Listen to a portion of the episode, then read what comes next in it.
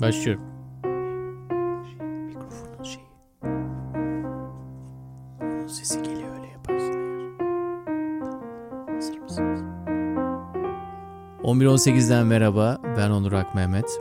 Arşivdeki söyleşilerden e, senin için seçtiğimiz özel anları... Yok yok baba susun. Heh, tamam.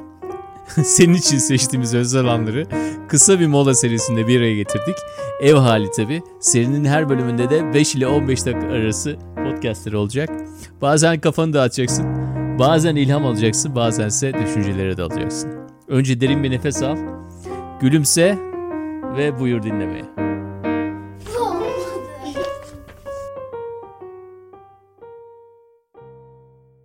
Tabii biz iktidar olamadık solucular olarak. Hep muhalefette ve barikatlarda olmak bizim payımıza düşen taraf oldu. Ben hep sokaktaydım. Yani son bir yıla yakın, bir yıldırlı belki değilim ama hep sokak ve barikatlardaydım.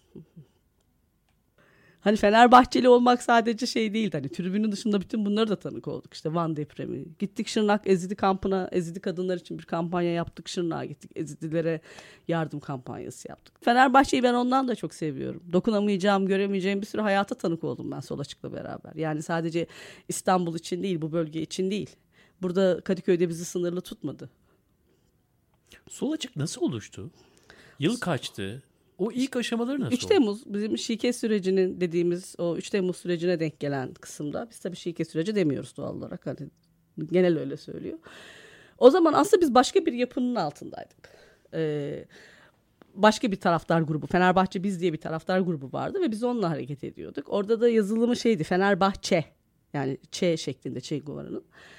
O şekilde devam ediyorduk. Fakat bu 3 Temmuz süreci devreye girdiğinde biz biraz daha sürecin kendisinin politik olduğunu siyasi bir duruşu olduğunu falan da e, dile getirmeye başladığımızda o grupla aramızda bir şey oldu ve onlar çok fazla hani evet sol sosyalist arkadaşlardı ama tribünde siyaset gerçekten bu çok sıkıntılı bir şey. Yani yan yana gitmesi çok kolay bir şey değil.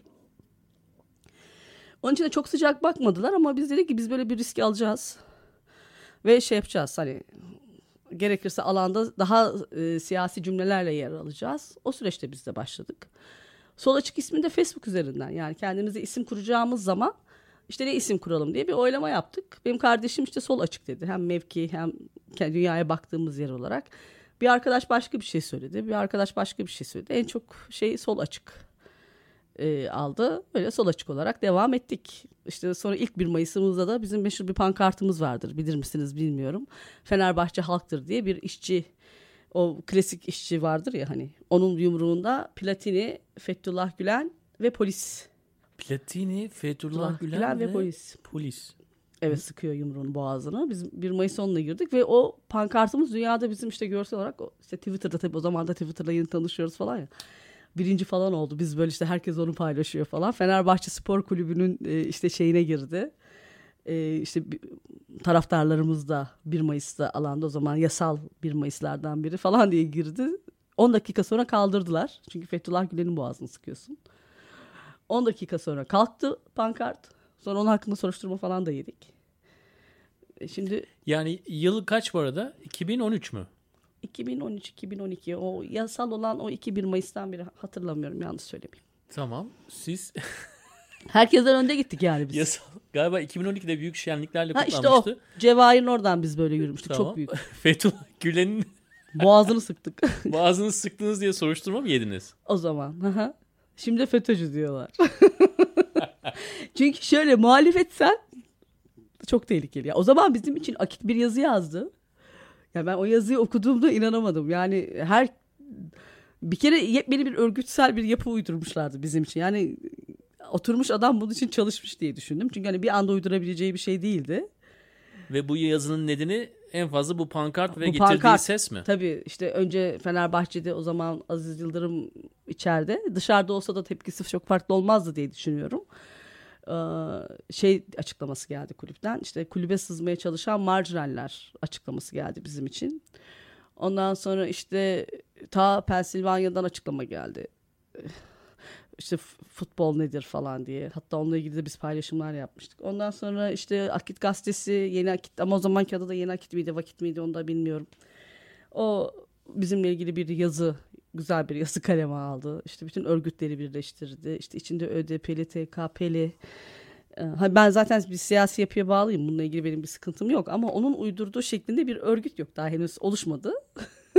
ya en azından solcular çok bölündüler ama o örgütü yaratamadılar. Onu biliyorum. Öyle şeyler falan yapıldı. Sonra biz kütüphane falan kurmak istediğimizde bizimle beraber polis ilk kütüphanemizde Afyon'da kurduk biz bir de. Afyon'a kadar bizimle beraber geldiler. Ya biz gelmeyin zahmet etmeyin dedim ben çıktım ama dinlemediler bizi. Arkamızdan takip ettiler yani. Sonra dediler ki İstanbul'da biz size eşlik edeceğiz. Çünkü yol boyunca bir de çok sevimliler. Şöyle eşlik ediyorlar bize. Galatasaraylar, Beşiktaşlar bize saldırmasın diye. Ben de dedim ki yani flama yok, bayrak yok. Kadıköy Belediyesi aracı. Hani insanlar da zaten gece sabaha karşı bekliyorlar işte buradan bir araç geçse de saldırsak diye bir durum da yok. İstemiyoruz falan dediysek de tabii şey yapamadık. Bizi çıkışa kadar onlar şey yaptılar ve her ile gittiğimizde de bizim peşimizden bir araç geldi. Biz sabah okula gittiğimizde de Afyon'da polisler bekliyordu yine.